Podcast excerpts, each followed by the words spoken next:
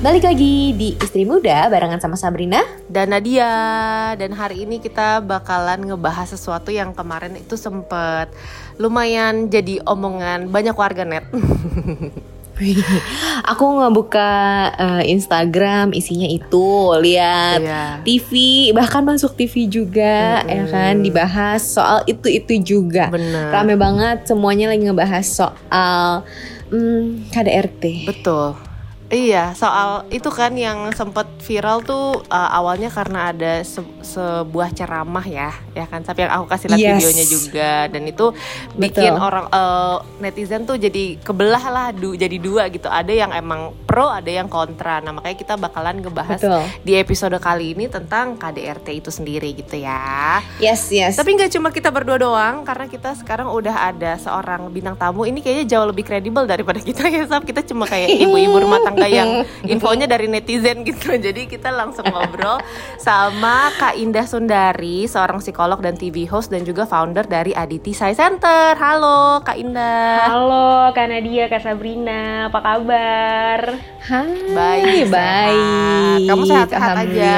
Alhamdulillah, aku juga sehat-sehat. Kemarin kita sempet mundur jadwalnya gara-gara sempat enak badan ya? Iya, biasa Udah oke okay lagi? Alhamdulillah udah oke. Okay. Itu kemarin aku sempat overthinking sih, aduh nggak enak badan nih takut si omi-omi oh, itu iya, kan bener. ya. Omi-omi uh, benar kita sekarang iya, jadi takutan ya, Bu. Iya, iya, bener, bener banget. Sekarang dikit-dikit ke sana gitu mikirnya, uh, uh. tapi alhamdulillah sehat, negatif ya dan ya berjalan seperti biasa akhirnya kegiatan sehari-hari.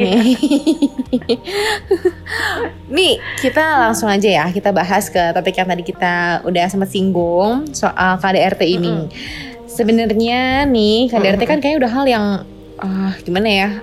Banyak banget lah kejadiannya gitu.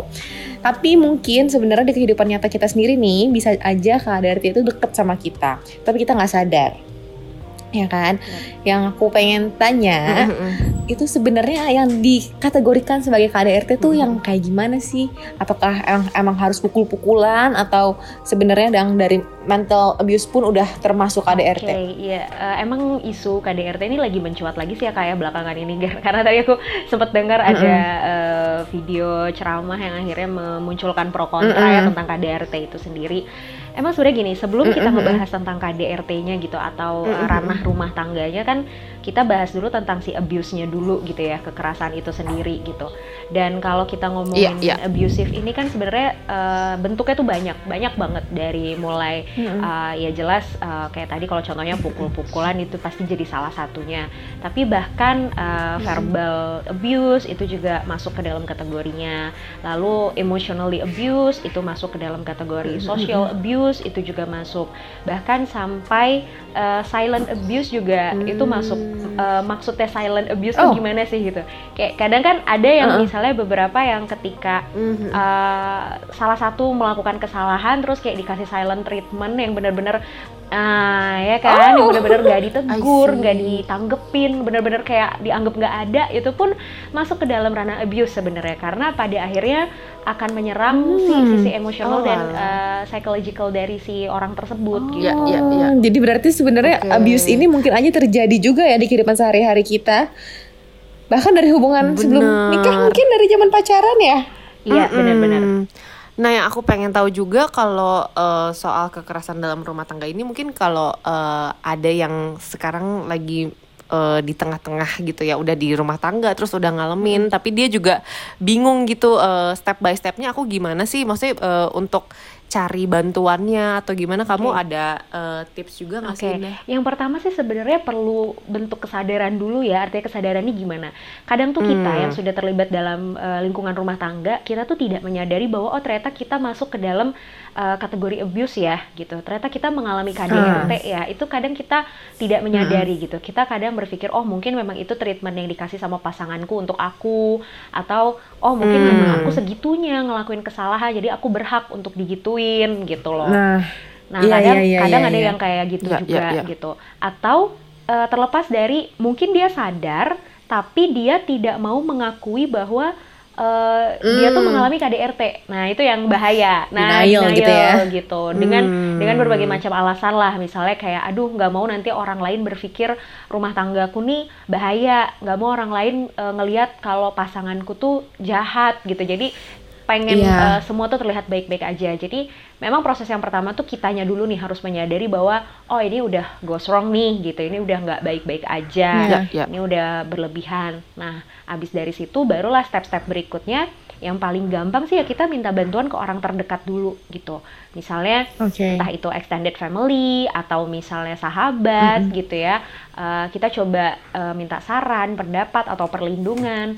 Nah, kalau misalnya yeah. memang uh, belum ada atau dirasa tidak mm -hmm. membantu atau justru situasinya semakin berbahaya, barulah kita bisa minta perlindungan hukum ataupun ke uh, ahli-ahli yang lebih profesional okay. gitu. Tapi kalau misalnya untuk kayak konsul gitu ke psikolog gitu sebenarnya mm -hmm. um, gimana ya? Lu merah nggak sih di Indonesia tuh pasangan datang ke klinik psikologi yeah. gitu? Kan karena kayaknya di sini tuh orang nggak banyak yang um, berpikir bahwa datang ke psikolog adalah salah satu solusi gitu. Mungkin buat mereka kayak mikirnya yeah. Iya. uh, datang ke psikolog tuh kalau misalnya kita punya masalah aja, tapi kalau misalnya nggak punya masalah gangguan mental apa segala macam tuh nggak perlu gitu. Nah itu gimana?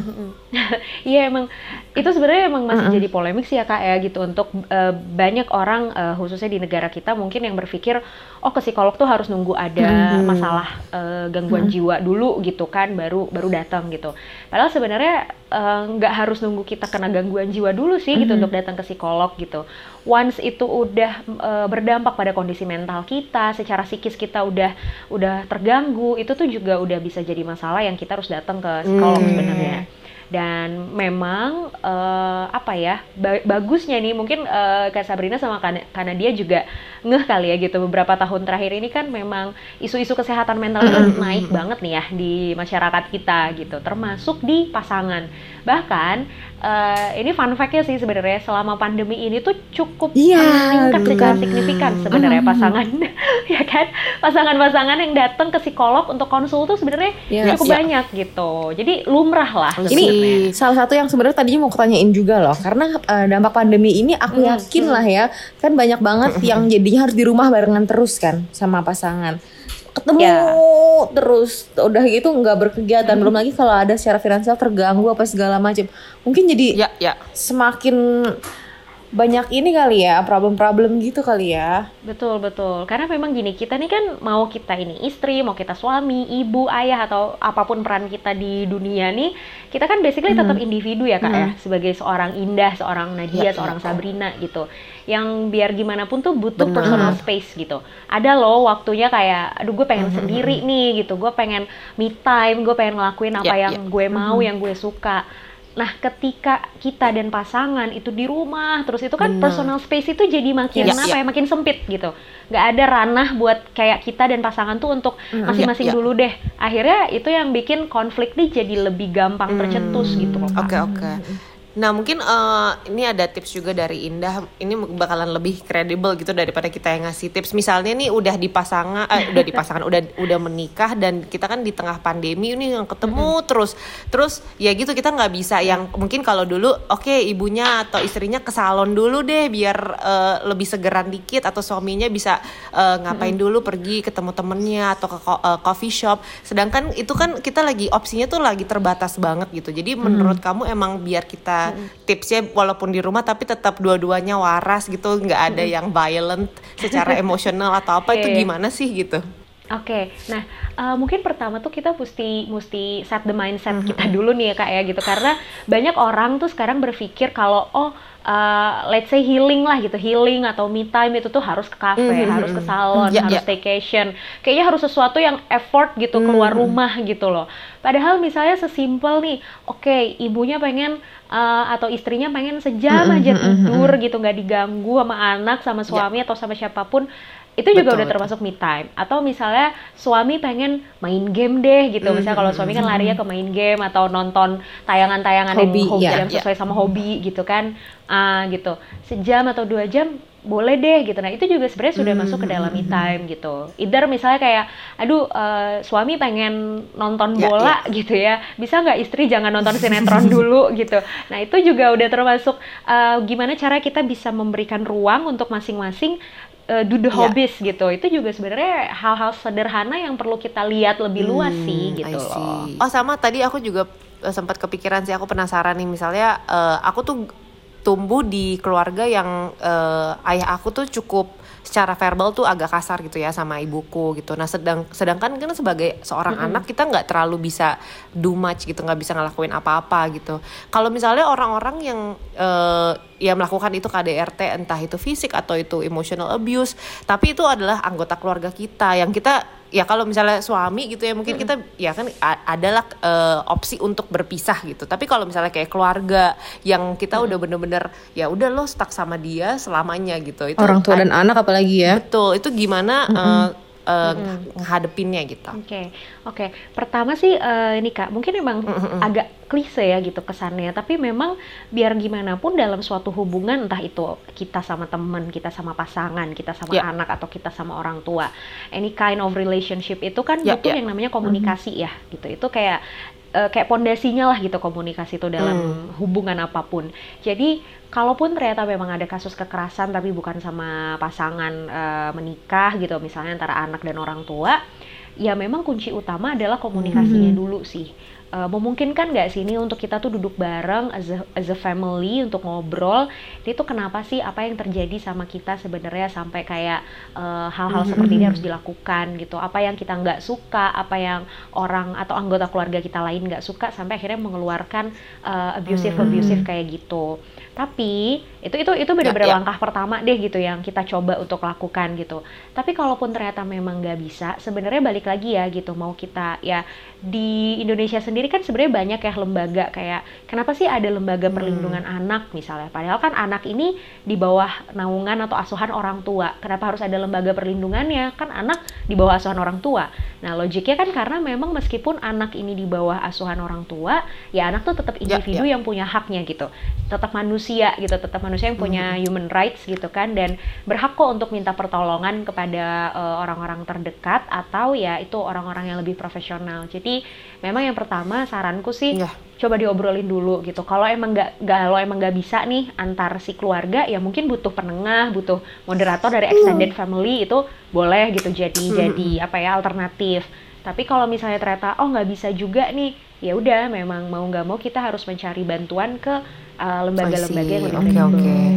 Jadi emang sebenarnya paling bener itu emang harus ada orang yang oh, pihak ketiga sih ya untuk nge, apa menengahi gitu biar kadang-kadang mungkin di situasi kayak gitu yang udah sama-sama panas, udah saling kesel-keselan jadi udah nggak bisa netral lagi iya, gitu ya. Iya bener-bener banget sih. Iya. I see, I see.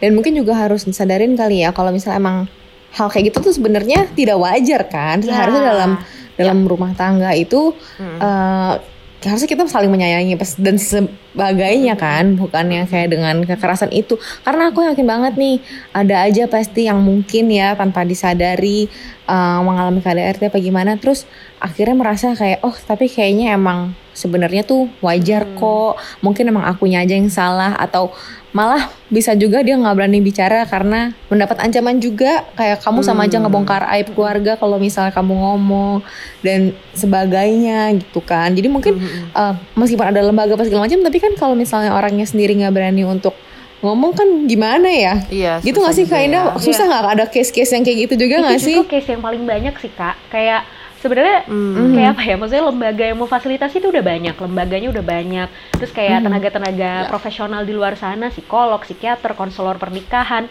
itu banyak banget di luar sana mm. gitu tapi balik lagi kayak mm. yang tadi mm. awal aku bilang kalau kitanya tidak aware terhadap si kondisi ini dan yang tadi contoh Kak Sabrina bilang mm. kayak aduh takut nanti malah jadi uh, makin runyam masalahnya atau takut malah ngebuka aib mm. keluarga atau takut dianggap keluarganya nggak mm. harmonis. Nah hal kayak hal-hal kayak gitu tuh yang hmm. akhirnya bikin kita tuh kayak ya udah stuck di situ gitu.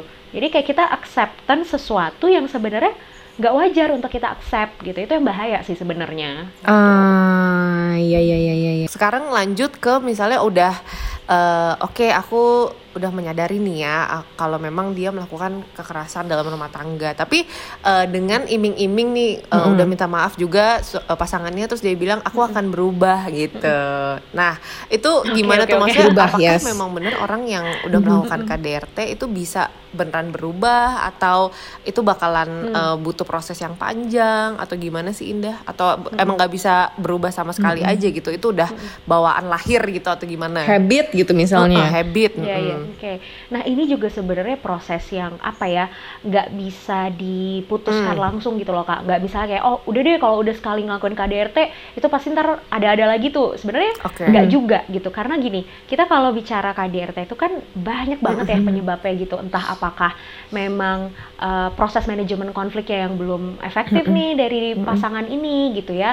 Atau misalnya memang kebetulan saat itu situasinya memang lagi runyam banget gitu. Kayak tadi contohnya udah abis kena PHK secara finansial hmm. juga terganggu tapi misalnya salah satu pihak menuntut ABCD segala macam terus akhirnya jadi kayak keluarlah tuh gitu ya sesuatu yang tidak diinginkan gitu yang sebelum-sebelumnya nggak pernah ada. Atau justru ini tuh part of personality-nya si orang mm -hmm. ini gitu. Mm -hmm. Ya emang kepribadi nah emang kepribadiannya gitu. Emang mungkin anger yes. manajemennya uh, mm -hmm. kurang mm -hmm. bagus gitu ya. Terus cenderung cenderung memang apa ya uh, sulit untuk bisa meregulasi mm. atau mengontrol emosi. Jadi penyebabnya mm. banyak gitu. Nah, apakah kapan kita bisa menentukan bahwa oh ketika dia minta maaf, ketika dia berjanji untuk tidak mengulangi, apakah kita harus mm. percaya atau enggak? Sebenarnya kita harus lihat polanya gitu loh. Dalam kita berumah tangga ini kan kita nggak yang tiba-tiba uh, kenal dia saat itu terus kita nikah sama mm, dia iya, saat iya. itu kan nggak juga gitu. Artinya uh, polanya tuh cukup panjang gitu. Mungkin ada beberapa yang uh, oke okay, uh, sempat pacaran dulu, entah itu sebentar atau lama. Terus misalnya dilihat nih kira-kira si si kekerasan dalam rumah tangganya ini hal yang sebenarnya sudah hmm, terpola belum hmm. sih basicnya basicnya apakah oh ternyata dari pacaran tuh sebenarnya dia emang suka abuse tapi abuse-nya lebih ke verbal uh. misalnya kayak suka ngata-ngatain mm -hmm. kita suka ngomong-ngomong kasar gitu kan suka merendahkan terus lama-lama pas sudah udah menikah jadi ke fisik mm, larinya yeah, yeah. misalnya gitu kan nah itu kan itu kan udah pola gitu yang artinya ketika dia minta maaf ketika dia bilang oke okay, nih aku akan aku akan uh, apa berubah gitu tidak menutup kemungkinan ya uh, tidak menutup kemungkinan hal hmm. itu akan terulang hmm. lagi karena ya, polanya ya. udah ada hmm, nih hmm. gitu. Tapi kalau misal oh ini baru kejadian sekali nih gitu. Atau kayak dulunya dia nggak begini. Nah itu kita coba harus cek apa sih yang bikin dia seperti hmm. ini gitu loh. Jadi sebenarnya terlepas dari ini bakal keulang lagi atau enggak ya. Nah terlepas dari bakal keulang lagi atau enggaknya kita harus cari triggernya dulu. Apa sih yang bikin dia kayak hmm. gini? Nah gimana caranya? Ke depannya tidak ada hal-hal yang akhirnya men-trigger itu muncul lagi gitu intinya jadi kayak si si apa ya si penyebabnya itu si base nya itu yang kita kurung gitu bukan bukan perilakunya yang kita hindari tapi kalau base nya ini kita kurung ya, ya, itu kan ya, akan ya. meminimalisir perilaku KDRT-nya muncul lagi gitu. ini kalau misalnya dari ya. uh, uh, dari obrolan tadi ya tapi aku jadi ngeh juga nih mungkin sebenarnya kan selama ini nih yang digambarkan yang paling mungkin melakukan kekerasan biasanya adalah uh, laki-laki uh, tapi kalau misalnya setelah dari ngobrol ini aku pikir lagi, sebenarnya mungkin juga perempuan tanpa disadari melakukan juga. Atau bahkan sebenarnya nih ya kan yang tadi kayak misalnya kayak silent treatment. Atau yeah, misalnya yeah. perempuan yeah. marah. Uh, dia kalau misalnya laki-laki mukul kayak kita langsung sakitnya kan kayak berasa banget. Terus bisa jadi diaduin gitu tapi kalau misalnya perempuan yang kayak dia marah terus misalnya refleksnya mm -hmm. nampar atau segala macem mm -hmm. kan mungkin buat laki-laki nggak berasa tapi sebenarnya itu bagian dari kekerasan juga ya iya hmm. benar benar banget sebenarnya gini kan uh, yang dimaksud dengan abusive atau kekerasan itu once memang hmm. sudah melukai bukan hanya secara fisik tapi juga secara wow. uh, mental ya gitu jadi uh, mungkin hmm. sebenarnya si namparnya itu hmm. nggak hmm. nggak bikin sakit gitu secara yeah, fisik, yeah. tapi kan ada emotionally yang mm-hmm. yang jadinya kena mm-hmm. gitu loh dari sosok mm-hmm. uh, suami gitu ya ketika ditampar oleh istrinya. Mm-hmm. Nah, itu juga sebenarnya sudah masuk ke dalam kategori uh, mm. kekerasan. Begitu juga ke anak dong ya berarti ada kan yang mungkin kayak emosinya sama pasangan tapi nah. jadinya ke anak. Iya, mm. pelampiasan ya. ya jadinya. Iya ya, jadi kalau dipikir-pikir sebenarnya siapa pun iya. itu bisa saja menjadi pelaku KDRT dan Betul. siapa pun juga bisa aja menjadi korban dari KDRT sendiri gitu. Itu bener banget lagi. Iya kan? Wow, tertohok gitu. Karena kadang gini, kita kan nggak kita kan kita kan ngerasa kayak oh ya udah kita mungkin atau cuma bercanda-bercanda ngeledekin anak atau apa, tapi itu yeah. bullying kan bisa jadi yeah. Iya. uh, satu form of abuse juga buat yes. dia gitu kan, buat anak kita gitu. Uh. Itu emang sebenarnya nggak cuma korbannya yang emang harus uh, sadar gitu hmm. kalau dia emang uh, jadi korban tapi juga si pelakunya itu kadang-kadang suka nggak sadar gitu kan hmm. dia yes. uh, itu lagi lagi melakukannya gitu benar-benar kadang mereka kayak ngerasa oh iya aku sebagai orang tua aku bener kok aku nggak apa-apa yeah. aku kebayangnya gini sih karena biasanya tuh orang-orang di uh, budaya kita tuh suka ngebandingin misalnya anak kita sama anak tetangga hmm. gitu-gitu loh itu kan secara mental itu ngaruh banget loh ke anaknya kan yeah. gitu. Yeah. jadi ya itu kayak gitu-gitunya sih ya. Yes. Jadi sebenarnya seharusnya semuanya. iya kan. sebenarnya mungkin uh, semua uh, abusive ini seharusnya tidak dijadikan hal yang wajar ya dalam kehidupan mm -hmm. sehari-hari kita supaya mentalnya juga satu sama lain semakin sehat gitu. Kalau misalnya satu aja sudah terganggu gitu kesehatan mentalnya pasti akan berdampak nggak sih apalagi kalau ibunya yang ini yeah. pasti yeah. semuanya jadi ikutan. Terus terus ini aku mau nanya nih ini terakhir ya ini misalnya sudah terjadi ada KDRT dalam rumah tangga, sudah berdamai. Mm. Nah, aku pengen tanya gimana nih caranya kita untuk berdamai sama diri kita sendiri dan benar-benar ikhlas memaafkan Tadi juga trauma. gitu. uh -uh, kan maksudnya kadang kan nanti ujung-ujungnya dibahas lagi terus jadi muncul Duh, lagi iya, masalah itu. baru gitu kan. Nah, itu gimana? Oke, okay, wah ini seru ya berdamai dengan diri sendiri adalah hal yang paling sulit sebenarnya. Iya.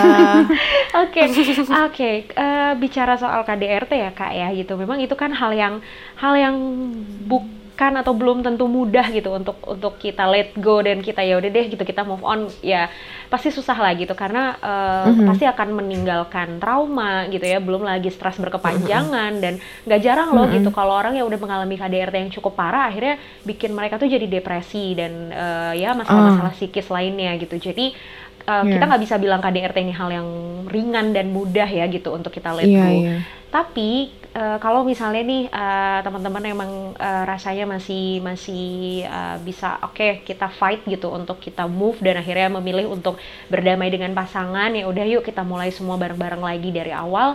Uh, gimana kita bisa berdamai? Ya memang kita harus bisa uh, manage ekspektasi sih gitu. Jadi somehow mm kita tuh tidak bisa berdamai dengan diri kita sendiri karena memang banyak sekali ekspektasi yang kita punya tentang hidup ini gitu. Ya, ya, ya sih? jadi kayak misalnya ketika oke okay, kita kita pernah punya masalah sama pasangan kita kan punya ekspektasi harusnya pasangan tuh lebih menghargai saya harusnya pasangan tidak melakukan mm. kekerasan pada saya harusnya pasangan mm, lebih yeah, ya. menyayangi yeah. saya nah si harusnya harusnya yang tidak terjadi di kemudian hari ini yang kemudian membuat kita jadi kayak mengkol terus gitu sama kejadian-kejadian mm -hmm. yang mm-hmm. sebelumnya mm. gitu.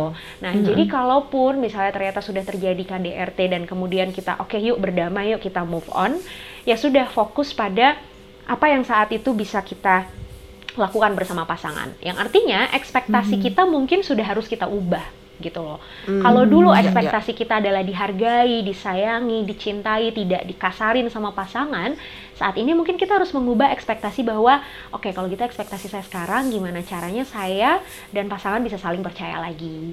Oke, okay, hmm. ekspektasinya gimana sekarang saya bisa menerima pasangan yang yang uh, sedang berusaha berubah. Jadi ekspektasinya hmm. bukan lagi pasangan ini harus ngelembutin saya karena ya udah ada mm. nih udah sempat tercoreng bahwa pasangan itu tidak lembut gitu.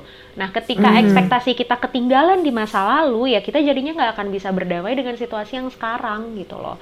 Oh, Jadi manage iya, iya, manage iya, iya, ekspektasinya disesuaikan dengan realita yang saat ini literally kita hadapi. Mm. Ya, ya, betul, ya. betul betul betul betul setuju sih. Oke. Okay aku okay. juga pengen tanya nih misalnya uh. yang dengerin uh, Indah ada yang uh, mungkin tergerak atau pengen rekomendasiin gitu ya uh, mungkin ada yang ngalamin dan bingung udah cerita ke keluarga cuma keluarganya hmm. mungkin nggak terlalu responsif yang gimana banget pengen minta bantuan psikolog berarti bisa ke Aditi Sai Center ya, ya? Bisa dong, okay. bisa banget. Karena kebetulan kita juga emang uh, punya apa ya, punya couple package, kita punya oh, family oh, gitu. package juga gitu yang uh, aku ya, aku pribadi uh, udah uh, udah menanganin beberapa klien yang memang uh, punya permasalahan dalam rumah tangga oh, gitu. Okay. Jadi uh, sempat beberapa kali menengahi klien yang uh, hubungannya udah kayak udah udah hambar hmm, banget ya, gitu ya. atau bahkan udah menuju keputusan keperceraian hmm. gitu ya uh, itu sebenarnya pada akhirnya bisa bisa ditanganin sih hmm. gitu Oke, misalnya eh, ketemu sebenarnya aku juga pengen eh, penasaran lagi. Banyak banget penasaran tiba-tiba.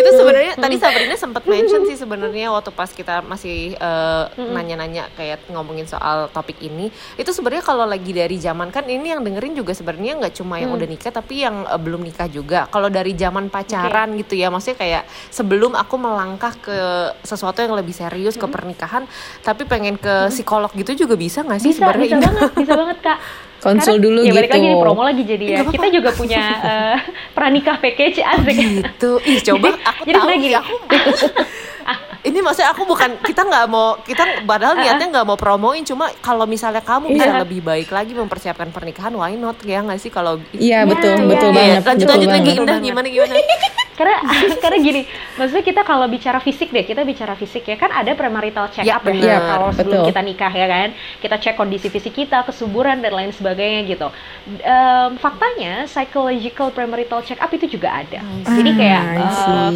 kita pengen tahu nih gitu Eh, let's say gini kesiapan sebelum menikah tuh kita harus tahu kesiapan apa yang kita harus milikin Mhm. kita benar-benar udah tahu belum sih ekspektasi saya dan ekspektasi pasangan itu ada di titik mana Mhm. visi misi kita berdua dalam menikah itu apa Mhm. sesimpel misalnya gini eh, kita sebagai pasangan istri pengennya langsung punya anak atau Hmm. enggak suami pengennya langsung punya Ya, anak ya, atau ya. enggak itu kan somehow hal yang kayaknya sederhana tapi bukan nggak mungkin jadi konflik loh Mhm. ketika menikah gitu kan nah jadi justru menurutku ya kak eh, mungkin untuk pasangan-pasangan eh, sorry untuk eh, teman-teman yang belum menikah gitu eh, justru sebenarnya alangkah lebih baik dari sebelum menikah tuh justru dilihat Ya, dulu ya. gitu semua semuanya sebelum memutuskan untuk menikah bukan untuk mengarahkan akhirnya aduh kayaknya kamu nggak cocok nih nggak usah nikah aja bukan ke situ arahnya tapi kalaupun nanti misalnya ada banyak ketidakcocokan ada banyak hal-hal yang eh, tidak sepaham jadinya pasangan tuh tahu harus gimana nih Hmm. kalau misalnya Ya, nanti ya. ketika kita sudah menikah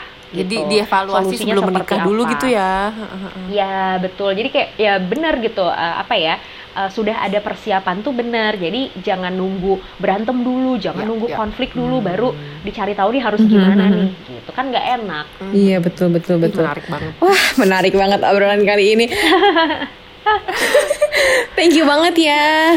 Indah udah mau diajak ngobrol bareng sama istri muda. Yes, Semoga Sama-sama. Iya semoga gak kapok ya. Nanti kita ngobrol-ngobrol lagi. Enggak dong, nggak kapok. Seru kalau ngomongin yang kayak gini-gini tuh seru kak. Oke kalau gitu kita pamit dulu. Kita ketemu lagi nanti di episode bye berikutnya. Bye Bye-bye. Bye.